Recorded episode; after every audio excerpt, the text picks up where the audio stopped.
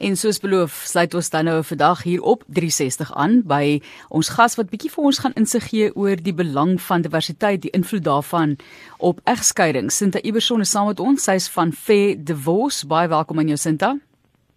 Hallo, baie dankie en nog vir nog 'n geleentheid om saam te gesels.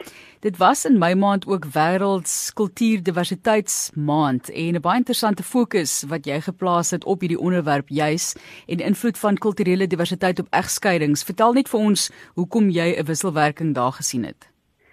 Dankie. Ja, dit was 21 Mei gewees en dit is interessant om te sien dat dieselfde manier wat ons ons verhoudings of huwelike behartig en die verwagtinge wat ons daarvan het kom ook uit uh wanneer ons met egskeidings besig is of wanneer verhoudings tot einde kom.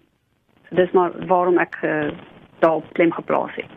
So aan een kant is dit 'n verryking van verhoudings, aan die ander kant kan dit ook baie probleme veroorsaak indien mense nie vanuit dieselfde oogpunt kyk op 'n kulturele vlak nie. So gee vir ons net die invloed daar, die positief en die uitdagings. Ja, 'n baie eenvoudige voorbeeld wat op meeste verhoudings van toepassing is, is as ons in 'n kultuur groot geword het en leef waar daar van mans verwag word om in die wêreld uit te gaan en te sorg, inkomste te verdien en te sorg vir 'n vrou en kinders, uh, wanneer dit in 'n huwelik so werk, dan verwag daai selfde kulture gewoonlik in 'n egskeiding ook dat na die huwelik tot 'n einde gekom het dat die man nog steeds moet sorg vir die vrou en die kinders of ten minste vir die vrou met sorg terwyl die kinders nog jonk is en sy die primêre versorger van die kinders is en betrokke is by die opvoeding. Daarenteen in ander kulture waar beide mans en vrouens aangemoedig word om 'n loopbaan te volg om hulle eie doelwitte na te jaag, word uh, die verantwoordelikheid op beide ouers geplaas om uh, uh, inkomste te verdien en voorsorg te tref vir die familie.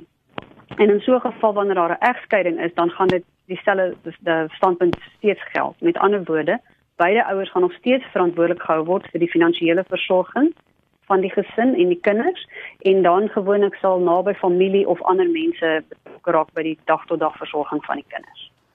So kom ons kyk net gou, jy het 'n paar maniere om dinge 'n bietjie makliker te maak of sal ek maar sê 'n pleidooi uh, tot mense wat wel dan nou deur 'n egskeiding gaan waar daar kulturele diversiteit by betrokke is en die feit dat ons mekaar moet probeer tegemoetkom en vanuit mekaar se perspektiewe kyk. So gee ons net 'n idee van die uitdagings daar en jou voorstelle om dit te vergemaklik in die in die proses seker te maak dat mense minder seer kry en die kinders minder seer kry as moontlik of so min seer kry as moontlik.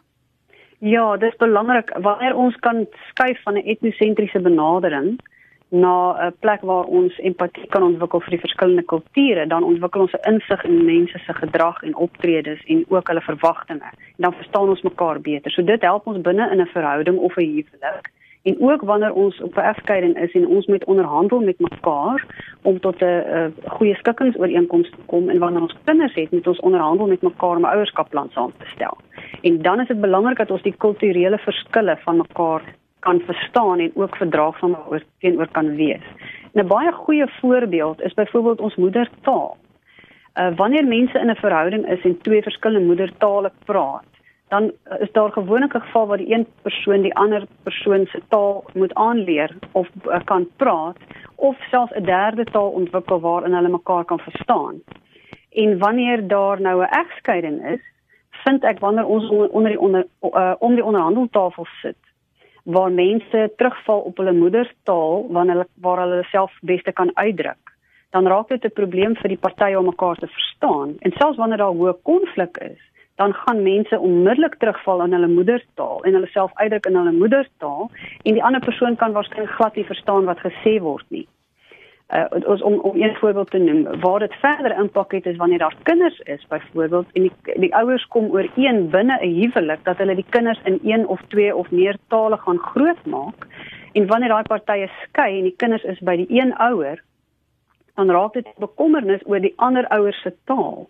Gaan daardie kinders nog steeds die ander ouers se taal gereeld gebruik sodat hulle nog steeds met die ander ouer kan kommunikeer of gaan die taal so min gebesig word dat hy eintlik verlore gaan raak dat die ander ouer op 'n punt kom waar hy of sy naderhand nie meer kan kommunikeer met met die kinders nie. Dis byvoorbeeld een manier wat dit ehm um, ja. ernstig geaffekteer word. 'n Ander voorbeeld is 'n uh, oogkontak. Daar is kulture veral in Afrika waar oogkontak beskou word as miskien voor op die wa of arrogant of disrespekvol. En dan is daar in ander kulture, meer westerse kulture byvoorbeeld waar ons dit waar dit beskou word as as 'n uh, agterdogtig of ehm um, uh, suggestief as iemand nie kontak oogkontak maak nie. So wanneer ons in weer eens in 'n onderhandelingssituasie sit en partye moet ooreenkom oor goed en die een persoon se kultuur is om nie oogkontak te maak nie om byvoorbeeld te wys dat die persoon respek toon en o, o, miskien onderdanig moet wees en die ander persoon verwag oogkontak dan word dit geïnterpreteer as 'n op 'n negatiewe manier.